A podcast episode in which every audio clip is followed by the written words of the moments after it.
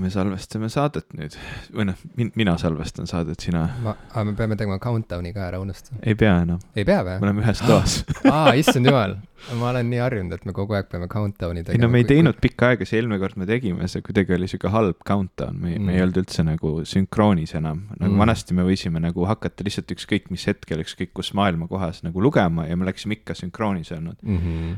aga, aga viimane kord ei olnud mm. -hmm. selge, selge, selge ma vaatan, et sa ei saa silmi ära nüüd oma telefonist, kus saa, sul, kus sul jookseb Discord. me tegime just oma Discordi serveri ja kutsusime inimesi liituma ja juba on paar inimest liitunud ja see tekitab nii palju elevust, et vist ei saagi saadet teha samal ajal, nii et äh, pigem võib-olla lihtsalt väike üleskutse, et liituge meie Discordiga, popkulturistid oleme me Discordis ja seal saab siis äh, juttu rääkida Äh, ükskõik millal tekib tuju selleks, saab sinna visata üksteisele raamatusoovitusi, mängusoovitusi, äh, rääkida filmidest, äh, rääkida ilmast, ükskõik millest ja, ja kohtume Discordis. ma arvan, et sellega meie saade vist praegu piirdubki ei no, ma, see oli tegelikult hea vastus, seepärast ma vaatan, et meie sellele videole Facebookis, kus, kus me seda esitlesime, on täpselt üks kommentaar tulnud äh, Anatoli Tafitšuki poolt, mille siis on what mm. -hmm. et noh, sa vastasid ära. no tegu on äh, minuvanuse vanema põlvkonna inimesega, nii et ma üldse ei imesta, et Toolik, Toolik äh, ei saagi teada, mis asi on Discord, sest et ta on liiga vana selleks. ja mina olen ka liiga vana, aga ma suhtlen palju noortega, nii et sellepärast okei. nii ähm,, saate juurde. saate juurde. kas, kas me alustame saadet või, või me, me jaura-, ühesõnaga, minge meie sotsiaalmeediasse, tulge rääkima ja ongi nagu hästi juba. -hmm. on ju? ja, ja, ja nüüd, nüüd teeme selle kõlli ja siis jaa, nii, nii see saate tegemine meil on käinud. ma lihtsalt täna viimased kuus aastat ma, olen nii segaduses, me oleme üritanud saadet tegema hakata juba mingi tund aega. mulle meeldib see, et meil on käimas seitsmes aasta. me oleme kaks on minutit salvestanud. okei okay. uh,. jah. pane on, muusika. on, on seitsmes aasta. on ju? on, on, ei, selles suhtes on uskumatu. see on nagu ilusam number kui kuus. mulle, mulle lihtsalt, sa tead, mul on mingi probleem number kuuega kui meil olid osade need järjekorranumbrid olid sada kuuskümmend, sada kuuskümmend, ta-ta-ta-ta-ta, siis ma kogu aeg ootasin, et me jõuaksime sinna seitsmekümnendatesse mm. -hmm. et nüüd ma tunnen ennast oluliselt paremini. ja nüüd me oleme seitsmekümnendates. et me, meie kohta saab nüüd öelda that seventies show või? jaa, põhimõtteliselt mm,. Hundred and seventies mm. -hmm ma hakkasin eile õhtul või tegelikult öösel vaatama That Nineties Show'd, mis ma nüüd Netflixi tuli. väga tahaks ka, ku-, kuidas tundub? halb ah,. ära ütle nii et selles suhtes äh, ma nii tahaks, et see oleks hea. ma ka, aga ma ei tea, kas see oli sellepärast, et ma olin nii noor, kui tuli Seventies Show välja, et see noh, oli kohe nagu äge. ja siis siuksed sarjad olidki ägedad ja see Nineties Show, noh, ma reaalselt vaatasin küll ainult esimese osa mingi seitsekümmend viis protsenti läbi umbes nii et ma isegi ei vaadanud seda lõpuni, et äkki see lihtsalt ongi probleem selles, et mina olen liiga vana, et seda nautida, aga ma mäletan, et kui Seventies Show tuli välja, siis ka mu vanematele see väga meeldis, kes olid siis vanemad, kui mina olen täna mm. -hmm. nii et võib-olla see on ikkagi halb ah,. mul on nii kahju kuulda seda, aga ma kindlasti proovin ka. ma, ma, ma pean yeah. proovima, see oli nii suur osa meie sõpruskonna elust mm. meil oli vahepeal isegi mingeid siukseid koosviibimisi, kus me läksime äh, läksime ööseks äh, mu klassivenna Tõnise juurde näiteks kambaga, on ju, ja uh -huh. siis äh,, ja siis näiteks õhtul vaatasime VHS-i pealt äh, That, That Seventies Show'd lihtsalt sellepärast, et äh, VHS-i pealt That Seventies Show'd? nojah. vägev. ma just mõtlen, et ma mäletan vahel salvestasime endale neid. mingi hetk juba olid need nagu CD-plaadid, kus olid mingid DivX koodekiga peale pandud mingi kolm osa Seventies Show'd ja ma mäletan, et, et siis me ikkagi vaatasime VHS, ma näiteks vahel, ma mäletan, kui Sigur Rossi äh, see muusikavideo tuli välja, mille pärast ma hakkasin Sigur Rossi kuulama, kus oli see, sihuke mingi üheteistmintsane lugu, kus käib see poiste jalkamäng ja siis nagu kaks poissi on seal armunud mm -hmm. sihuke hästi-hästi lahe video ma ei tea, võib-olla see oli aasta mingi üheksakümmend üheksa või kaks tuhat või midagi siukest mm, -hmm. siis ma mäletan ka, kuidas ma nagu et mul oli videokassett, kus oli see, see musa video peal, sest ma olin selle salvestanud kuskilt mm -hmm. Viva, Viva kanalilt või mm -hmm. midagi siukest. ja siis seal oli üks Oasis'e dokumentaal ka ja siis ma võtsin selle VHS-i ja panin endale seljakotti ja siis sõitsin Sauele äh, Tõnisele külla ja siis me jälle kambaga seal vaatasime järjest asju, nii et VHS oli siis veel äh,, ütleme, VHS-i viimased Toimus. päevad olid mm -hmm. siis äh,. ja siis juba sai hakata vaatama DVD-sid rohkem.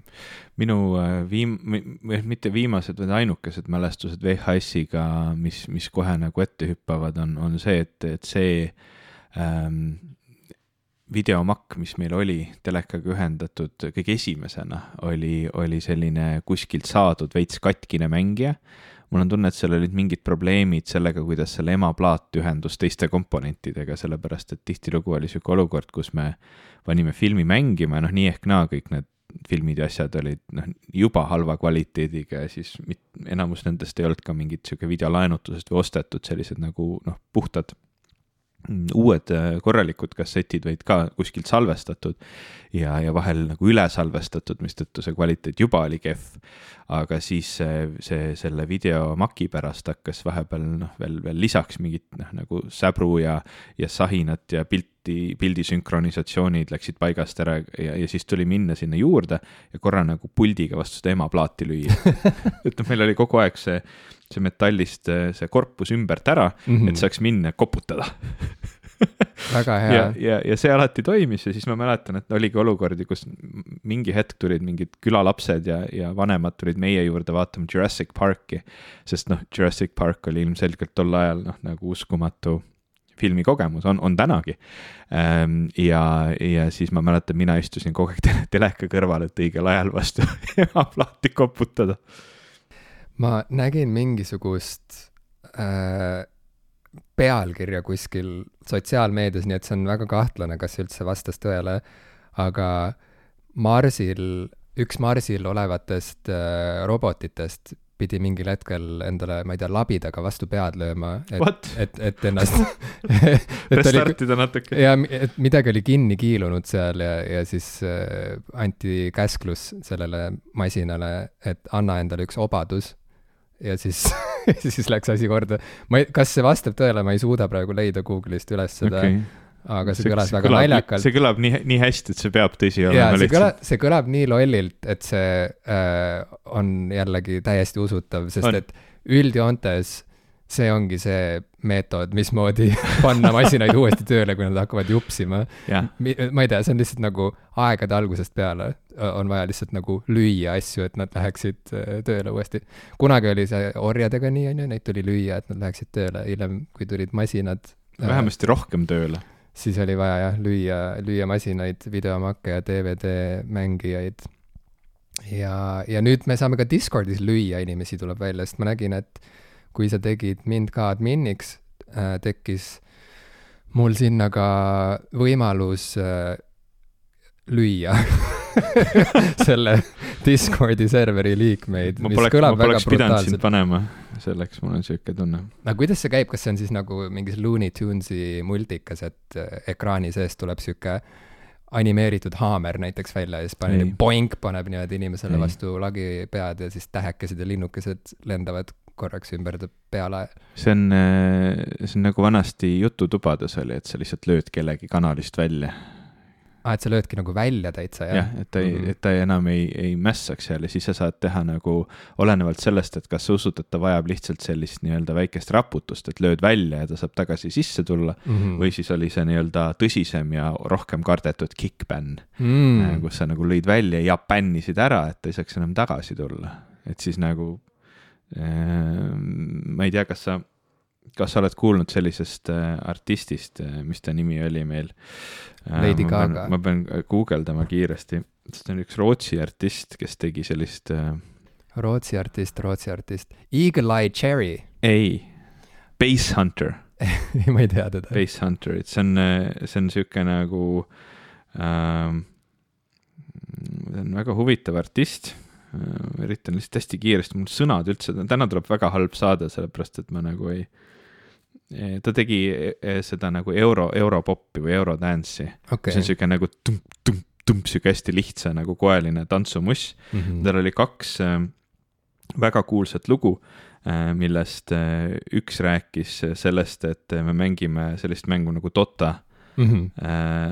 ja, ja see oli noh, nagu sihuke suur, suur popp asi ja teine oli tal Booten Anna mis äh, rääkis loo ühest nagu noh, et ühest bot'ist nagu jututubades, kui vanasti käid jututubas, jututubades olid bot'id, kellel olid siis erinevad ülesanded sisse programmeeritud, kes noh, näiteks, et see bot võis siis välja kick ida inimesi, kes näiteks liiga palju räägivad mm. -hmm. selle loo sõnad ongi, see on, see on bot and Anna ehk siis bot nimega Anna mm. -hmm. et kus ta siin kirjutab, et nagu, et ma tunnen ühte, ühte bot'i Äh, ta nimi on Anna ja ta suudab sind bännida eriti kõvalt okay.. aga pärast tuli välja, et tegelikult äh, Anna ei olnudki bot, vaid, vaid oli päris inimene et sihuke lugu okay. Base Hunterilt.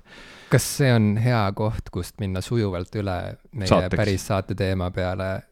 ei ole veel. ei ole veel? ei, aga me võime minna päris saate peale üles, nüüd mul kummitab Base Hunter. okei okay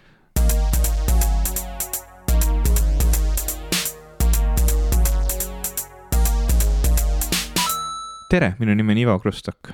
oota, kas, oota, sorry, me vist ei tee, on ju, perekonnanimesid? või teeme või? Ivo, kus kohas, mis juhtus?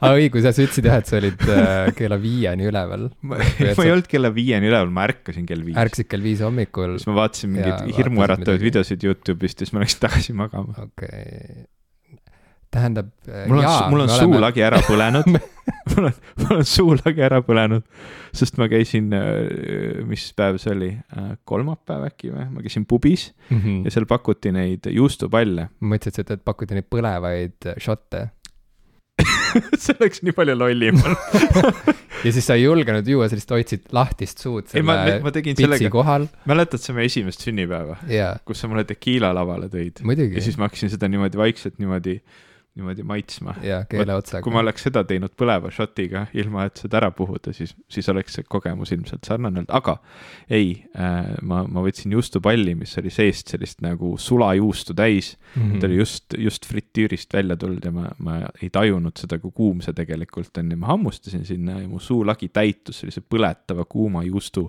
mm. lögaga. ja, ja, ja nüüd ma ei saa öösel päris hästi magada, sest ma ärkan öösel sellisel valutava suulaega üles see oli siis nagu juustulaava. jah. juustumagma. jah. kumb mm. ta siis on, Jim, kas laava või magma äh,? oot, kas see on viktoriini küsimus? sest et magma. lihtsalt küsimus kas ne-, kas need ei ole sünonüümid? ei ole.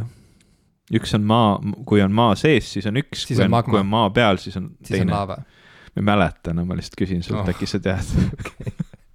tere, minu nimi on Ivo me alati oleme öelnud perekonnanime, aga me teeme siis hoopis teistmoodi nüüd. tere, minu nimi, nii.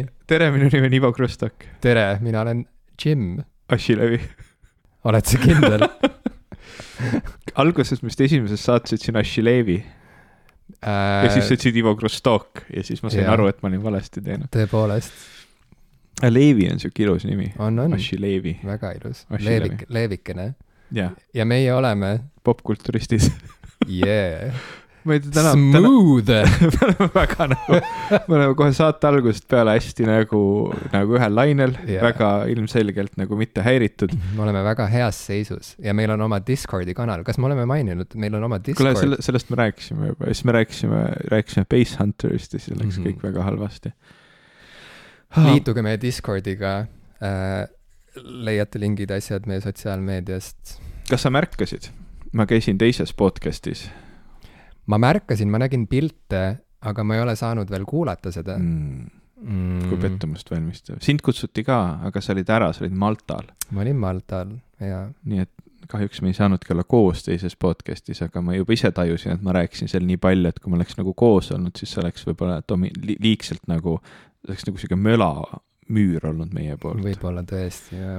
nagu, nagu meie enda saade. meid on vaja doseerida ikkagi yeah ma loodan, et inimesed, sest et äh, meie saade on ju niimoodi kokku pandud, et ühest äh, kõlarist või kõrvaklapist tuleb Ivo hääl, teisest tuleb minu hääl. kui te seda ei teadnud, siis nüüd te teate, see ei ole fake news. kas ma peaksin seda ja, tegema või? Äh, ja ma loodan, et te olete kasutanud võimalust kuulata ükshaaval meid, sest et koos meid kuulata on lihtsalt liig seda. on liiga palju seda jah. on liiga palju, mina harilikult, kui ma kuulan meie saateid üle, siis ma jah, kuulangi kas ainult Ivo või ainult ennast ja kumba sa tihedamini kuulad, ennast või sind, mind? sind, sind, sind, ma ei suuda ennast üldse taluda. okei, mhm.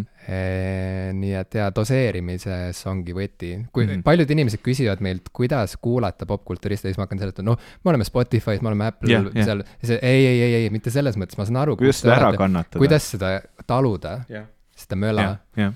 ja ja siis ma olen alati öelnud, et oota, aga kas sa ei ole proovinud kuulata ükshaaval meid ja, ja sageli inimesed on tulnud tänulikult tagasi ja öelnud, et Mm. mm. nii on palju talutavam on, mm. -hmm. on, on.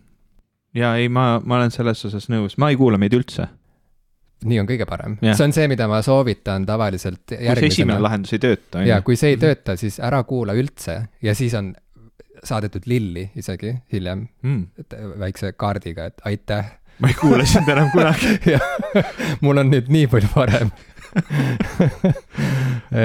ma käisin siukses Jaa. saates nagu Ei saa aru, Mhm. mida teevad Henno ja Siim. Nendel on isegi teemalaul Henno and Siim are super confused.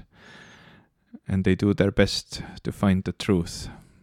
ja ma käisin sellises saates ja ma, ma tunnen, et ma ilmselgelt ei toonud neile kaasa tõde. küll aga ma tõin neile kaasa möla. mm,. aga nende palve oli, et sa tooksid tõde kaasa või Nad ei täpsustanud oma palvet, nad tahtsid popkulturiste, sind ei olnud. mm -hmm.? ma, ma arvan, et see käis umbes nii. okei okay., millest te rääkisite? kohvist näiteks mm., siis meil plahvatas mingi hetk köögis midagi huvitavat, et kui, kui te kuul-, kuulanud ei ole, siis minge kuulake, mingi hetk plahvatab midagi huvitavat. see on ala, alati imelik, kui midagi plahvatab ja, ja üllatav, jaa, aga see oli, see oli sihuke noh, see kohe tegi podcast'i nagu märksa põnevamaks. et, et minge kuulake, mis seal plahvatab.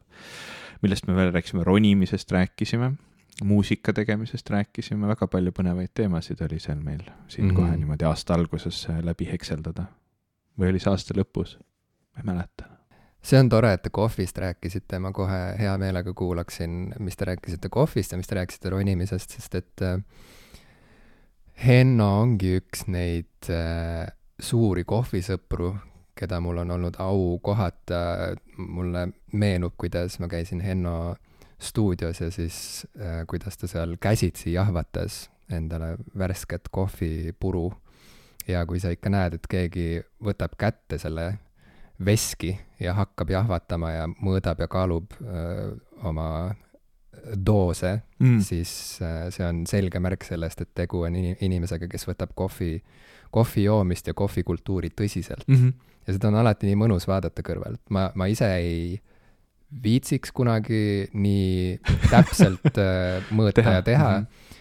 aga ilmselgelt äh, ma jään ka ilma väga heast kohvist, sellepärast. asi, asi, noh, nii palju, kui mina aru saanud olen, on see kaalumised ja asjad on kõik nagu consistency ehk siis, et sa tead, mida sa teed, et järgmine ja, kord midagi muuta, et, et noh, iga kord saada nagu see noh, et, et sa saad nagu enda selle valemi paika, kui kaua mm, -hmm. mida ja, ja, ja kuidas.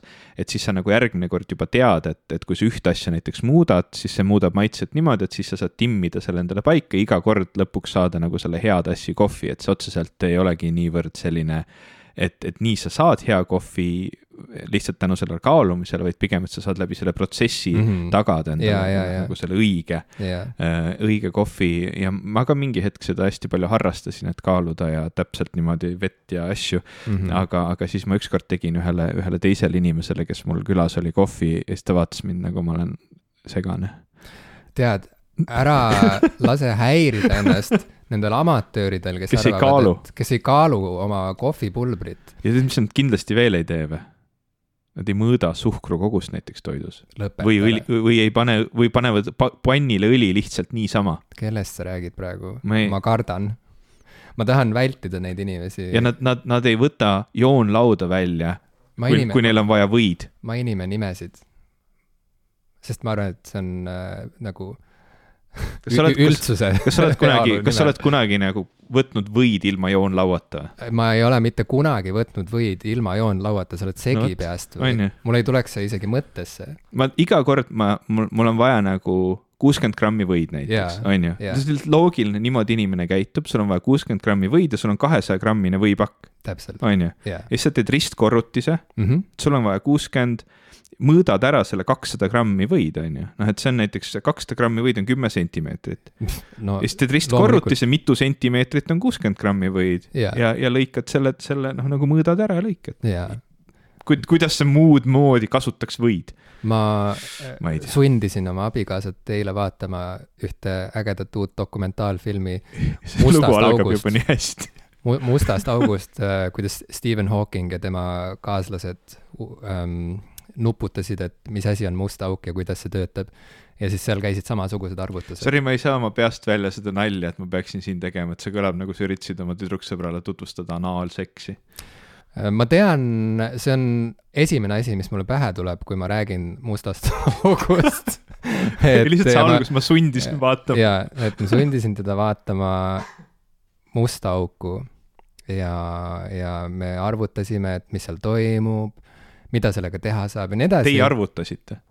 meie arvutasime, Stephen Hawking okay. arvutas, maailma kõige helgemad pead tegelesid sellega. ja me ei jõudnud lõpuni välja, sest et äh, mu abikaasa jäi lihtsalt magama, sest et see tüütas teda nii ära ja väsitas nii ära. ja, ja mina ei saanud aru, et kuidas on võimalik jääda magama musta augu ääres põhimõtteliselt mm. -hmm. kui seal toimub nii palju.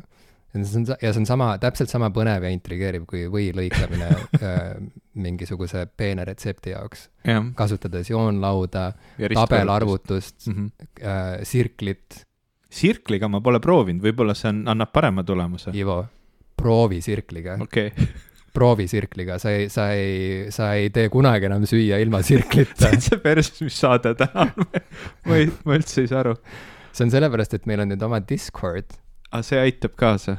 kas me oleme maininud, et meil on oma Discord ja sellega saab liituda juba praegu? kas te olete liitunud juba? tule Discordi ja ütle meile, kas sa oled juba liitunud jah. ähm,. sa tahtsid rääkida tegelikult ju ühest põletavast teemast ka. millestki asjalikust. kas sina oled proovinud neid eh, erinevaid tehisintellekti abil loodud tööriistu internetis, millega on võimalik eh, lisaks erinevatele mõõtmistele ja, ja kindlasti ta oskaks sulle anda nõu ka, kuidas võid lõigata, aga et nad, nad või, võimaldavad sul siis näiteks luua pilte äh, selle põhjal, et sa kirjutad sinna sisse, millist pilti sa tahad ja siis ta teeb sulle pildi või, või siis sa küsid talt mingeid küsimusi või palud tal mingi ülesande lahendada, kas sa oled, oled sa proovinud neid, neid asju, mis nüüd siin liikuma on hakanud, chat GPT-d ja asjad? ma olen ümbritsetud inimestest, kes muudkui proovivad teha asju, kasutades neid tööriistu, mida nad proovivad teha? mõlemat, nii pilte kui ka tekste. Ja see tundus korraks huvitav, aga üsna ruttu hakkasin ma ka märkama, et kunstnike kogukonnad internetis ja jah, tähendab kunstnikud peamiselt, kirjanikud pole midagi öelnud või ma pole vähemalt märganud, ilmselt kirjanikud ei tunne end veel ohustatuna selle chat GPT või mis Mm. iganes selle nimi on, poolt, aga mis They should.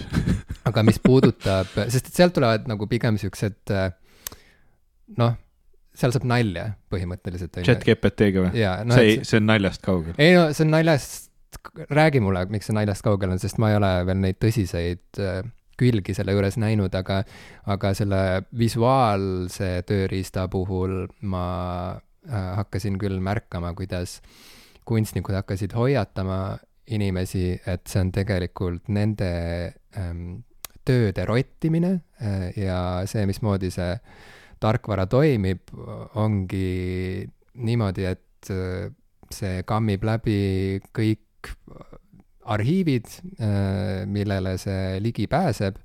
Ja kui su tööd, kui su portfoolio on vähegi avalik, siis see on ka sellele tarkvarale kättesaadav ja see lihtsalt võtab sealt, mis võtta annab ja imiteerib seda ja põhimõtteliselt annab inimestele tasuta kätte kogu sinu töö ja vaeva.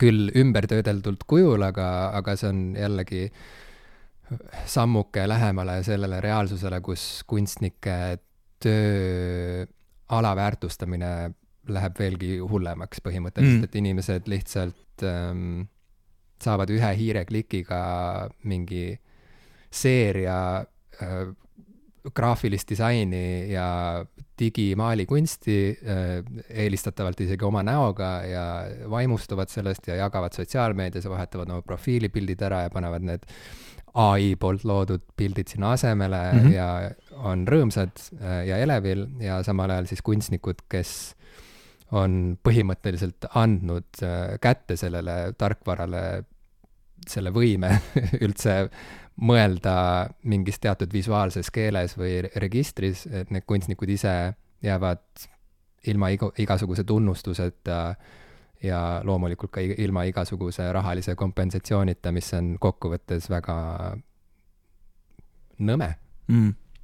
aga räägi mulle selle chat GPT varjuküljest. ma ei, ma ei teagi, kui palju CPT, GPT? GPT okay., ma just mõtlen seda, et kui palju rääkida nagu kogu sellest varjukülje poolest, sest noh, siin ausalt öeldes on väga keeruline üldse hinnata, kuhu need asjad nagu liiguvad, noh, me, me näeme seda, kus nad täna on ja inimesed kipuvad sellises pikas perspektiivis arenguid üle hindama ja lühikeses perspektiivis alahindama mm.. Mm, sest noh, need tööriistad ju tegelikult on, on mõne aastaga lihtsalt välja ilmunud, noh te, mm -hmm. tegelikult viimase aastaga. Ja nad on, nad on alanud kohast, kus noh, need esimesed pildid, mida sa said luua nende näiteks tehisintellekti läbi, sest, sest pildid tulid natukene enne, kui need erinevad äh, siuksed nii-öelda väga-väga ähm, kvaliteetsed tekstipõhised nii-öelda sellised chatbot'id nagu, nagu chat GPT on et need pildid esialgu nagu olid siuksed veits friikid, aga eh, kui inimesed neid niimoodi õigesti sudisid ja natuke mässasid, oli sealt võimalik saada päris võimsaid, vägevaid, huvitavaid, ilusaid pilte, noh näiteks kõige e-, enim levinumad on need DALL-i, mida on kõik ilmselt näinud, Stable yeah. Diffusion, Midjourney ja need on sellised eh, noh, üldiselt e-, eri, erinevad tööriistad annavad natukene erinevaid tüüpi pilte, mõned on fotorealistlikumad, mõned on rohkem siuksed nagu kunstilisemad, mõnel on mingi kindel stiil.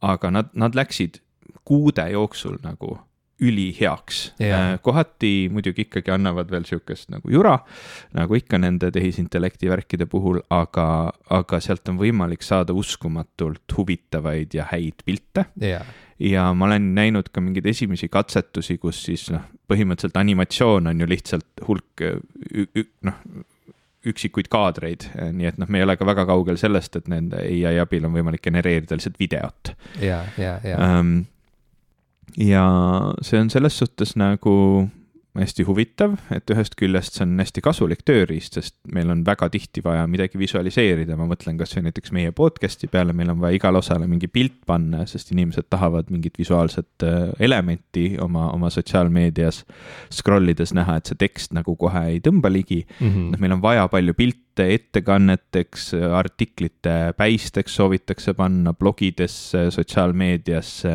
sõpradele saata, mida iganes ja ja see on ideaalne tööriist selleks, et noh, et, et kui sa peaksid iga kord, kui sul on vaja mm, mingit pilti äh, minema ja tegema selle fotoaparaadiga või tellima fotograafilt või joonistama või, või küsima graafiliselt disainerilt või kunstnikult, noh, see on, see on päris mahukas mm. -hmm. nii, nii ressursi mõttes, rahaliselt kui ajaliselt ja, ja see lahendab tegelikult hästi suure probleemi väga lihtsalt mm. -hmm. teistpidi see, mida sina rääkisid, et noh, tegelikult on üles ehitatud äh, ju noh, seniste äh, kunstnike töödel, mis noh, to be fair, ka kogu kunst on, on üles ehitatud justkui seniste kunstnike töödel. Yeah.. aga, aga noh, mis, mis on nagu veits creepy, on see, et mida oli märgata ka juba nende äh, nende esimeste piltide puhul, et, et see ai näeb hästi palju seda, et piltidele kunstnikud panevad alla väikese nagu signatuuri mm -hmm. ja siis on näha, et see ai üritab ka sinna midagi sodida, et noh mm -hmm., ilmselgelt on ta nagu seda õppinud, et, et mida see tegelikult tähendab tervele hulgale inimestele, kes selle läbi noh, raha teenivad yeah.. ja, ja, ja kui, kui palju siis sellest üldse nagu protsessist on selline nii-öelda, mida me käsitleme loomingulise protsessina ja, ja kas see, mida see tehisintellekti algoritm teeb, on, on loominguline protsess, kas seda noh, kas, kas, kas saab seda loometööks nimetada või on see lihtsalt mingisugune remix imine mm, -hmm, kui palju mhm. sealt tuleb mingeid uusi ideid ja noh, muidugi see seab küsimuse alla kogu selle muu poole, et kui palju nagu inimese loometööst on remix imine versus uued ideed ja mis asi on üldse uus idee ja, ja, ja kõik mm -hmm. muud siuksed asjad. et see on nagu see pool, mis on selles ühest küljest sihuke äge ja natukene hirmutav, sest noh, ta tähendab inimeste töökaotust ja kõike muud. aga see, mis mind selle piltide poole juures nagu päriselt, päriselt hirmutab ja see võib olla nüüd see, et ma, ma ülehindan seda progressi, aga ma eeldan, et sa oled ka kas TikTokis või Instagramis või kuskil vahel hakanud neid reels'e vaatama, eks ole mm. -hmm. mul, ma vahel olen sellest nagu natuke rohkem sõltuvuses isegi, et mingi hommikul ärkan üles ja olen hästi väsinud ja ei viitsi, siis ma mingi pool tundi Instagramis scroll in neid, neid reels'e mm. -hmm. et ta on väga osav asi, mis sind nagu tõmbab hästi kiiresti endasse ja ja noh, see tähendab seda, et noh, et see algoritm tegelikult saab su päris kenasti kätte mm. -hmm nüüd, kui sa kujutad seda algoritmi ette niimoodi, et sinna ei peagi noh, ootama seda, et inimesed laeksid mingit sisu üles, vaid, vaid ai suudab genereerida, ma ei tea, pakume mõne aasta pärast päris hästi välja nägevaid ja toimivaid videoid. ja nüüd iga kord, kui sina spetsiifiliselt, sina, sinu kasutaja kõikide nende kogu selle infoga, mida see rakendus sinu kohta teab ja ta teeb väga palju infot äh,, refresh'id, ütled, et anna mulle uusi videosid, siis iga kord ta analüüsib läbi sinu spetsiifilise profiili ja genereerib sulle spetsiifiliselt võimalikult nagu hästi toimivaid, noh, hästi toimivat videosisu mm. -hmm, mm -hmm. mis ei ole nagu väga kaugel noh, ettekujutusest, et midagi sihukest võiks teha. ja nüüd kujutad ette, et et äkki tahetakse neid platvorme, mis on kõik erakätes, kasutada kuidagi selleks, et inimesi suunata ühte või teist asja uskuma. Mm.. sa saad miljonite inimeste peal A-B testida miljoneid ja miljoneid lahendusi yeah., sest ai suudab neid genereerida noh, täiesti suvalt, et nüüd vaatame, kui me siin muudame nagu natukene mingit asja ära, teeme selle sõnumi natuke jõulisemaks, natuke pehmemaks, näitame siin neid värve, näitame siin neid inimesi mm, -hmm, äh, näitame siin äh, midagi võikamat, midagi vähem võikamat äh,, aga, aga eesmärgiga, et noh, me tahame näha, kas näiteks kuu aja jooksul me muudame selle inimese vaadet näiteks konservatiivsemaks, liberaalsemaks, muudame ta rohkem äh, ärevaks, vihkavamaks, noh, mida iganes.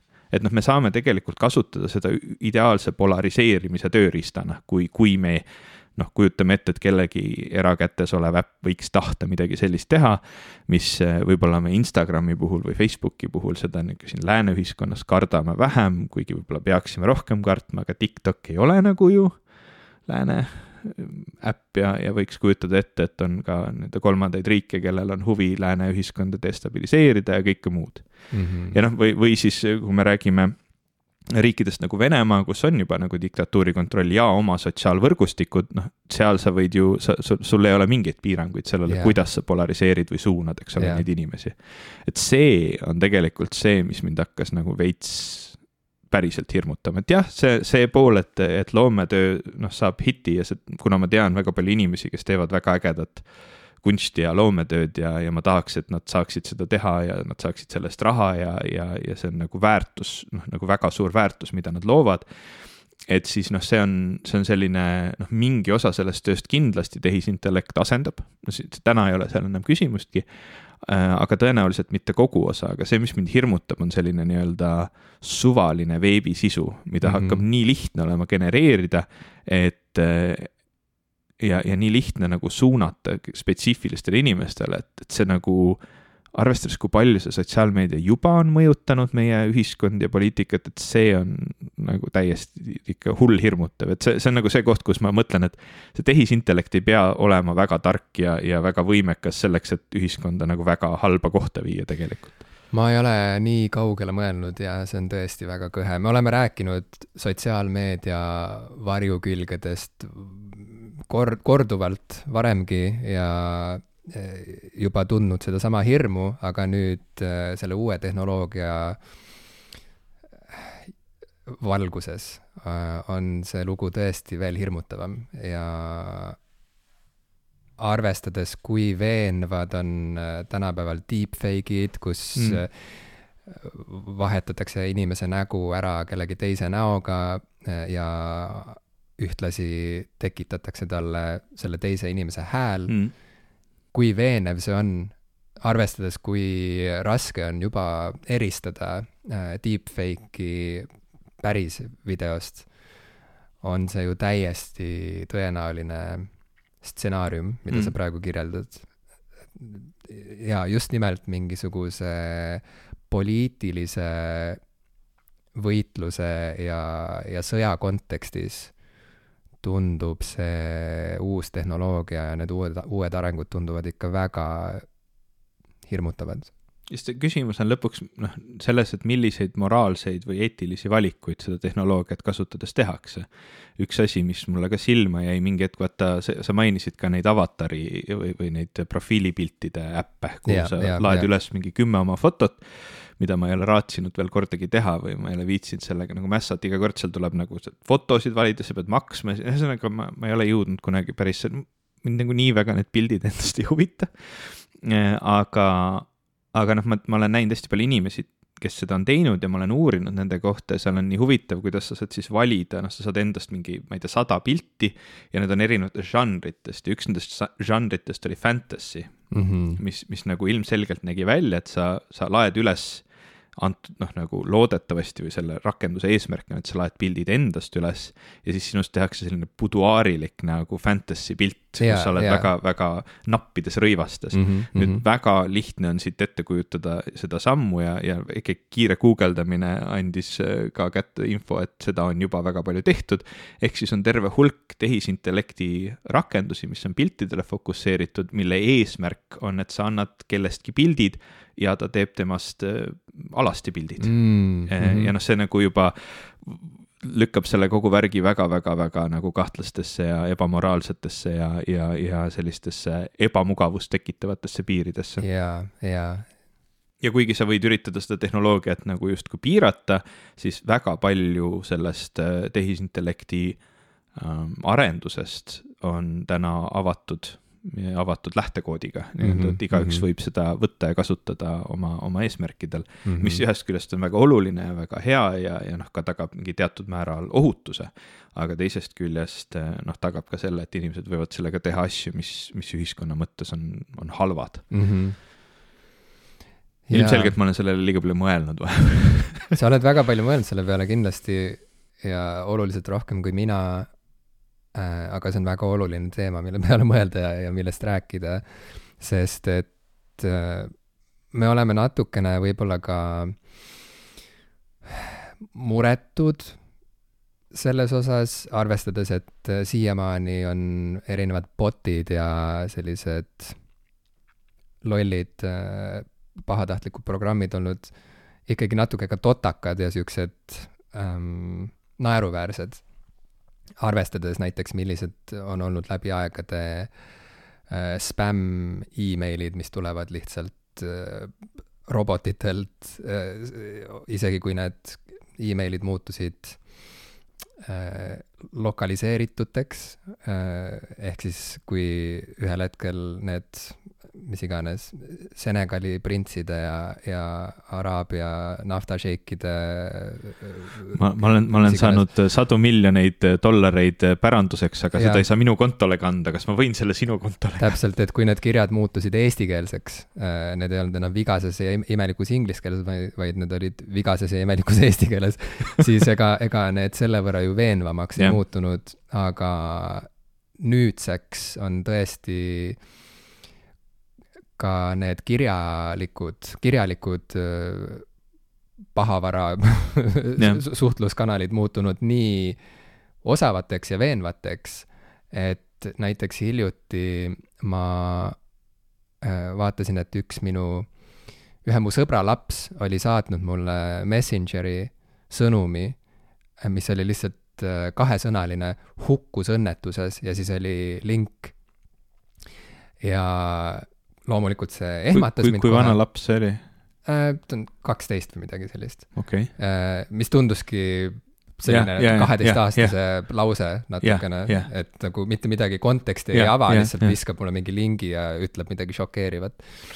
ja kuigi see tundus natuke kahtlane, siis ma ikkagi natuke ka uskusin, et oota, äkki ongi mingisugune paha asi juhtunud. Äh, ja klikkisin sellele lingile ja see link viis mind, nagu sageli juhtub Facebooki esilehele, kus ma pidin sisse logima. mingi loa andma. jaa mm, -hmm. ei no ma pidin panema oma kasutajanime ja, ja, ja, ja parooli ja, kuna see tundus mulle millegipärast kahtlane, siis ma äh, ei teinud seda ei teinud okay. kohe seda sisse logimist ja vaatasin seda lehekülge lähemalt ja siis nägin, et see kujundus on natuke teistsugune mm -hmm. kui Facebookil muidu, kui mind suunatakse sinna sisselogimislehele mm. -hmm. ja üks sõna oli seal valesti kirjutatud, seal oli or asemel oli lihtsalt O-täht.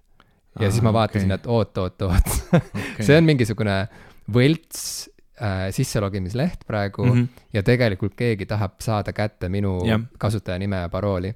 ja sarnane asi juhtus ju LHV-ga hiljuti, LHV yeah. hakkas ka inimesi hoiatama äh, nende pahatahtlike teadete eest, aga ma arvan, et päris paljud inimesed langesid selle õnge, ma isegi vanaemalt kuulsin, et on uudistest läbi käinud, et inimesed on ikka suuri summasid mm. kaotanud äh, selle kampaania raames ja, ja see käis niimoodi, et SMS-ina tuli sõnum, äh, saatjaks oli LHV ja tekst oli midagi sellist, et äh, ärge alluge on... provokatsioonidele. ei, tekst oli midagi sellist, et sulle on, keegi tahab sulle teha ülekannet mm, -hmm. aga mhm. sa pead autentima selle või mingisugune mm -hmm. loll äh, põhjus selleks, et sa pead minema öö, oma kontole. ja siis oli link ja mina sain kohe aru, et see asi on äh, imelik, sest mm -hmm. et äh, see link oli aadressiga lhv.com mm -hmm. ja kaldkriips mingisugune logi mm -hmm. sisse või midagi mhm. siukest äh,. Aga noh, ilmselgelt lhv on .ee, aga ma saan täiesti aru sellest, et inimesed, sa võid olla mingis lambi olukorras, kus sa nagu ei vaata tähthaaval seda linki läbi, kui sa juba näed, et LHV on sulle saatnud selle ja, kirja, on ju. Äh, ja sa lähedki, sa vaatad, et keegi on saatnud sulle raha, muidugi sa tahad seda raha kätte saada, sa vajutad sellele lingile, sa logid sisse ja katsud seda raha kätte saada, aga mis juhtub loomulikult, on see, et sa logid sisse ja siis sa ei näe enam üldse oma raha kunagi nii et kogu see äh, värk on läinud nii palju keerulisemaks ja veenvamaks ja, ja see on veel niisugune tekstipõhine suhtlus, mida on natuke lihtsam äh, kuidagi nagu analüüsida no. selle, selle, sellest me kohe hakkame rääkima, selle chat GPT jaa, me kohe jõuamegi sinna, aga, aga kuhu ma tahan oma jutuga jõuda välja, on see, et äh, kui nüüd videotöötlus ja helitöötlus on ka jõudnud tasemele, kus me ei suuda enam eristada reaalsust väljamõeldisest, siis me oleme ikka mingisuguse väga äh, ohtliku pommi otsas praegu ja, ja just mm. nimelt sellepärast äh, nendel põhjustel, mis sa välja tõid väga hästi, et, et kui on juba kuskile loodud mingisugused suletud äh, kõlakambrid või kajakambrid mm, -hmm. Suletud mullid, kus inimesed vastastikku ähm, võimendavad ja, ja, ja kiidavad heaks üksteise maailmavaadet ja eelarvamusi. Ja kui sinna visata veel materjali juurde, mis neid veelgi mm, veendunumalt paneks uskuma kõigesse, millesse nad usuvad, ja kui tegelikult see on äh, loodud selleks, lavastatud selleks, et äh, teenida kellegi teise agendat, siis see on reaalselt õli tulle valamine. see on, see on lihtsalt puhas bensiin, mida saab visata tulle ja, ja tulemused on garanteeritud. jah, sest see on hästi huvitav, mis sa märkisid nende Facebooki sõnumite asjade kontekstis, et noh, ma, ma arvan, et kõik me oleme nüüd juba kogenud üht, ühel või teisel kombel seda, et tuleb sõbralt mingi kahtlane sõnum mingi lingiga. Ja need on alati sellised noh, provotseerivad sõnumid, noh nagu sina kirjeldasid, et hukkus õnnetuses või, või siis on olnud sellised pildid sinust või noh, mingid siuksed, noh nagu ürit, üritatakse nagu kuidagi ehmatada sind, et sa nagu korra võpatad ja vajutad. et sa nagu ei mõtle liiga palju sellele, vaid sul peab tekkima mingi hirmureaktsioon. ja, et sa jätaks vahele selle sammu, kus sa ja. vaatad ja, lähemalt, et oota, mis asi see on praegu, millele ma vajutama hakkan. ja sellist asja on ülilihtne katsetada. sa saadad, noh, sa, sa, sa teed mingit analüüsi, eks ole, kui on selline sõnum kui palju saadi kätte näiteks paroole, kui on selline sõnum, kui palju saadi kätte paroole, mis vanuserühmadest saadakse milliste sõnumite peale kätte paroole, sa teed, noh, sa, sa spämmid meeletutes kogustes inimesi ja sa iga kord analüüsid selle pealt ja, ja õpetad sellega oma seda nii-öelda rünnaku algoritmi targemaks, et kui, kui, kui ongi kaheteistaastane näiteks saadab kolmekümnendates inimesele, siis, siis tee nii ja mm, -hmm. ja sellega sa saad parimad tulemused ja sa nagu kogu aeg täiendad seda ja yeah., ja need sõnumid lähevad aina, aina võimekamaks. ja need tehisintellekti algoritmid on selles üllatavalt head, et nad suudavadki nagu noh, see, see õppimise pool, et noh, et nagu, et, et noh, mis, mis, mis iganes see algoritm lõpuks on, keegi täpselt tänapäeval enam ei teagi ju, kuidas need algoritmid töötavad, vaid, vaid need on sellised nii-öelda ise arenevad, ise õppivad võrgustikud mm, et, et see nagu polegi tähtis, mida ta seal teeb, tähtis on see, et ta, ta jõuab selle lauseni, mis meile võib tunduda mingi random absurd asi, aga ilmselgelt see näiteks toimib selles kontekstis kõige paremini.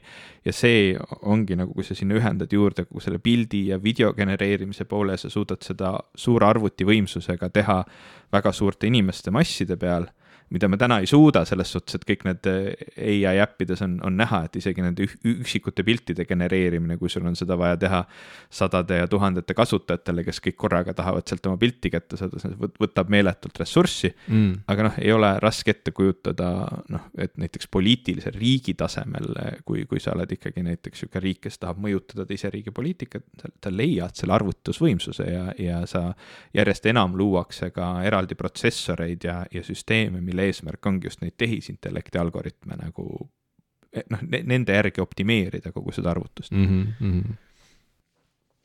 et selles suhtes väga äh, jah, ma, ma ütlen, et see on nagu see pool, mille pärast ma muretsen rohkem kui nagu see töökaotuse pool. töökaotuse poolelt mul natukene see chat GPT tekitas siukseid huvitavaid mõtteid, mitte nagu selliseid tõsiseid, et ahhaa, mind päriselt hakatakse homme vallandama, aga Äh, noh, me oleme hästi palju mõelnud, ma, ma arvan, et tänapäeval endiselt veel on terve hulk inimesi, kes arvavad, et automatsioon ohustab ainult äh, sinikrae töötajaid mm. -hmm, ehk -hmm. siis noh, sa sõidad autoga, tuleb isesõitev auto, ahhaa, sul ei ole enam tööd, sa töötad kuskil karjääris, sinu töö on asendatav mingi masinaga, no siis asendatakse masinaga, eks ole mm -hmm., ja sa kaotad mm -hmm. töö, et see on nagu see ettekujutus meie peas, et me kaotame ära siukse lihtsa mehaanilise töö mm, -hmm. mida on väga palju juba, eks ole, tehtud. aga praegu ma näen, et palju suurem oht on Äh, just valgekraetööd, keskastme juhid, igasugused panganduses töötavad analüütikud, finantsinimesed, äh, osaliselt äh, kindlasti väga suures, võib-olla isegi väga suures ohus igasugused juristi pool, programmeerijad, andmeanalüüsi inimesed ja nii edasi ja nii edasi, sellepärast mhm. et kuigi me kujutame ette, et nende töö on väga-väga raske ja keeruline ja kes seda suudab õppida, siis ilmselgelt, kui me võtame selle chat GPT lahti, no tegelikult tuleb välja, et seal on väga palju ühiseid jooni, mida suudab tehisintellekti algoritm nagu üles leida ja tegelikult ära lahendada mm -hmm. väga, väga noh, suures mahus. ja, ja, ja. ja noh, minu töö näiteks ongi, okei okay,, minu töös on ka selline, noh, kasutame siin sellist väga suursugust sõna, et mu töös on ka loominguline pool mm. -hmm. aga väga suur osa minu tööst on mingite materjalide läbitöötamine, kokkuvõtete tegemine, jutupunktide kirjutamine. ma proovisin seda chat GPT esialgu, kui ta töötas oluliselt võimekamalt, kui ta seda täna teeb, ma saan aru, et need arendajad on selle nii-öelda kümne pealt nagu veits alla keeranud, sest ta ei suutnud enam hakkama saada selle meeletu päringute vooga, mis mm. sinna peale lendas kohe, kui inimesed Twitteris nal-, nalju hakkasid jagama ähm,. oota aga..., mis see tähendab, et keerasid kümne pealt alla siis, et sa ei Tän, saa tänased tulemused on kehvemad kui esimestel päevadel märgatavalt hmm.. ta ei, ta ei tee enam sellises mahus, ta ei tee enam sellise kvaliteediga, ta ei, ta ei tee enam neid asju, mis ta tegi esimestel päevadel, kui ta, kui ta välja tuli. aga mis sundis arendajaid seda tegema, et, et lihtsalt peletada eemale? ei, mitte peletada, vaid need mahud, see arvutusmaht okay. on nagu veits probleem, nii okay. palju, kui mina olen aru saanud, et lihtsalt see, see hulk inimesi, kes, kes sinna nagu peale lendasid, noh, nad ei suuda seda ära teenindada sellise, sellise nagu võimekuse peale. aga on seal ikkagi mingi premium äh, praegu ei ole minu teada. ma ei tea, ma, ma nüüd ei ole mõnda aega, noh, kadus see nagu es, esmane sihuke huvi ära ja ei ole sellega nii palju katsetanud mm. -hmm. aga ma kohe katsetasin mingi, noh, mis minu, minu, ma küsisin talt töö kontekstis nagu mõistlikke küsimusi, näiteks, et äh, palun kirjuta mulle mm, jutupunktid vesiniku äh, arenduse teemaliseks kohtumiseks äh, Saksa riigi esindajatega mm. -hmm. ja ähm, see oli kasutatav mm.. see see oli nagu kasutatav selles kontekstis, et jah, ma peaksin sinna juurde lisama spetsiifikat noh, täna veel eriti, kuna ega ta mida vähem ta teab, noh, Eesti on väike riik, neid materjale, asju ta ei ole suutnud ilmselgelt väga palju noh, nagu kokku panna, eesti keel on ka teistsugune, eks ole, noh, ta ei ole nii levinud, selle analüüs ja kõik on nagu selles suhtes ka keerulisem, aga aga noh, on, on, on võimalik ette kujutada, et, et see on lihtsalt puhtalt andmeprobleem, mida lahendada ja, ja ta suudab seda teha ka väga spetsiifiliselt ka näiteks Eesti andmete kohta mm. -hmm. aga täna ta suudab seda teha juba nii, et et mul ei ole vaja seda konteksti auru sinna nii palju juurde kirjutada, vaid ma võtangi selle, mis tema teeb, natuke parandan, täiendan ja noh, niimoodi lihtsalt katsetuse, eksituse meetodi pärast mulle tuli üks päev päring, kas sa saad mulle inglise keeles sellised jutupunktid kirjutada ma palusin chat GPT-l seda teha, muutsin osasid lauseid, lisasin mõned juurde, aga ütleme umbes viiskümmend protsenti sellest tööst ei olnud mitte minu tehtud, vaid oli selle tehisintellekti algoritmi poolt tehtud. see lõpptulemus, mille ma ära saatsin oma kolleegile, kes saatis vastu, aitäh, väga head. aa, see on kõhe see on kõhe, et sa saatsid selle kolleegile ja see, ja tal ei tekkinud ühtegi küsimust ei no ma kõik, kõik need laused nagu käisin üle ja vaatasin, kas ma midagi pean parandama, täpsustama, kontrollima, sest noh, chat GPT teeb palju vigu. eriti ja. ka siis, kui see ongi tõesti andmemahud on väikesed, Eesti mhm. kohta mingi ala. inimesed küsivad, kes on Martin Helme ja ta räägib sellest, kuidas ta on ERR-i ajakirjanik aastast tuhat üheksasada üheksakümmend viis või noh mm -hmm., whatever, eks ole, et noh, mingid täiesti random vastused. ta ongi ju see jah, aga. vahepeal mingit muud infi tulnud aga. ma ei käi internetis, ma ei tea. ma ei, ma ei tea, kes see sihuke on et, et, et noh, ta teeb vigu ja sa pead seda kontrollima täna, aga, aga see, see kõik on nagu seal, et selle peale ehitada äh, midagi päris ägedat ja, ja täna enamus suurtes firmades on tööl inimesed, kelle töö on leida automatsiooniviise, kuidas enamus inimeste töökohti ära kaotada noh, see, see on, see on nagu tõsi. istuvad inimesed ilmselt kuskil veits eemal keldris, äh, mingi tiim inimesi, kes mõtleb, okei okay,, et ma ei tea, raamatupidajad teevad meil üheksakümmend protsenti ajast seda, kas me saame kuidagi nii teha, et miski muu teeks seda mm. -hmm. see on hästi mõistlik asi, mida teha näiteks yeah et see natukene on sihuke, et see chat GPT, noh, ta selline, need vastused olid kõik ju väga toredad ja lahedad ja võimekad ja ta suudab sellist vahtu täna päris palju genereerida ja see viib ka selle loomingulise kirjutamise juurde, et sa mainisid, et sinu nagu ütleme, kirjutajatest sõbrad pole nagu eriti sellest vaimustust tundnud, aga ma olen kuulnud ja lugenud sealt lugusid, mis on üllatavalt head alguspunktid mm., nii et noh, ta samamoodi neile nagu ka mulle, ta ei ole isegi mitte niivõrd täna oht karjääri mõttes, vaid väga hea tööriist, kust pihta hakata või paluda yeah. tal mingisugune noh, sellest nii-öelda valge paberi probleemist üle saada. jah, ma ausalt ei usu, ma, ma usun, et me näeme lähitulevikus kirjandusteoseid, mis on puhtalt arvutite poolt mm -hmm. kirjutatud, aga samas see ei hakka asendama päris e-, elusaid kirjanikke mm.. sest et midagi on selles ikkagi tabamatut mida inimene suudab, ei no äh,, tähendab, ma ei, ma ei väida seda, et äh,, et see ei, ei, ei mõjuta üldse mm -hmm. seda, milliseks kirjandus kujuneb või kujuneda võib. sest et äh, kõik muud loomevaldkonnad on ju ilmselgelt olnud tugevasti mõjutatud äh, arengute poolt alati ja tehnoloogia poolt. kas või kui vaadata fotograafiat, kohe kui Instagram jõudis massideni, muutis see päris radikaalselt inimeste suhtumist fotograafiasse ja fotograafidesse, sest et ühtäkki oli, oli iga inimene fotograaf ja, ja keskmine inimene on täna parem fotograaf, kui ta oli kümme aastat tagasi tänu Instagramile mm. -hmm. ja, ja, ja selles mõttes oleks kuidagi, ma ei tea, ma, ma peaksin olema tä-, tä, täiesti, ma peaksin oma pea liiva all hoidma, et mm. kujutada ette, et kirjandust see ei mõjuta üldse, noh juba see, et sa sellise jutupunktidest koosneva teksti said kokku panna, kasutades mm -hmm. seda tarkvara ja, ja su kolleegil polnud õrna aimugi, polnud põhjustki kahelda mm, -hmm. et, et siin on nüüd masin osaliselt ise kokku pannud selle teksti, siis noh, ei saa ju enam väita, et noh, et aga, aga proosa, proosat see ei mõjuta mitte kunagi, mitte kuidagi. kuidagi kindlasti kunagi mõjutab ähm,. Aga jaa, ma ei tea, midagi ikkagi on selles ähm, vaata, kirjandus minu meelest on üks kõige vahetumaid ja puhtamaid teadvuse väljendusviise. lugedes me ikkagi pääseme ligi teise inimese teadvusele, küll selle teadvuse tekstilisele representatsioonile äh, ja teadvus ei ole ju tekstipõhine inimesel mm. -hmm tekst on üks osa inimese teadvusest või, või sellest, mismoodi me oma teadvust vaatleme või kirjeldame või väljendame, aga ähm, siiski on kirjandus olnud inimajaloo jooksul või, või kirjalik tekst olnud, olnud inim, inimajaloo jooksul üks tõhusamaid viise, kuidas teadvust teise inimeseni viia või kuidas teadvust väljendada. nii et äh, võib-olla puhtalt sellepärast juba, et tarkvaral puudub teadvus, tarkvaral on algoritmid ja ütleme, algoritmi võibki näha mingit sorti sellise ähm, sisse uuristatud rajana, mida mööda siis info voolab või, või see on nagu niisugune mingi jõesängide süsteem.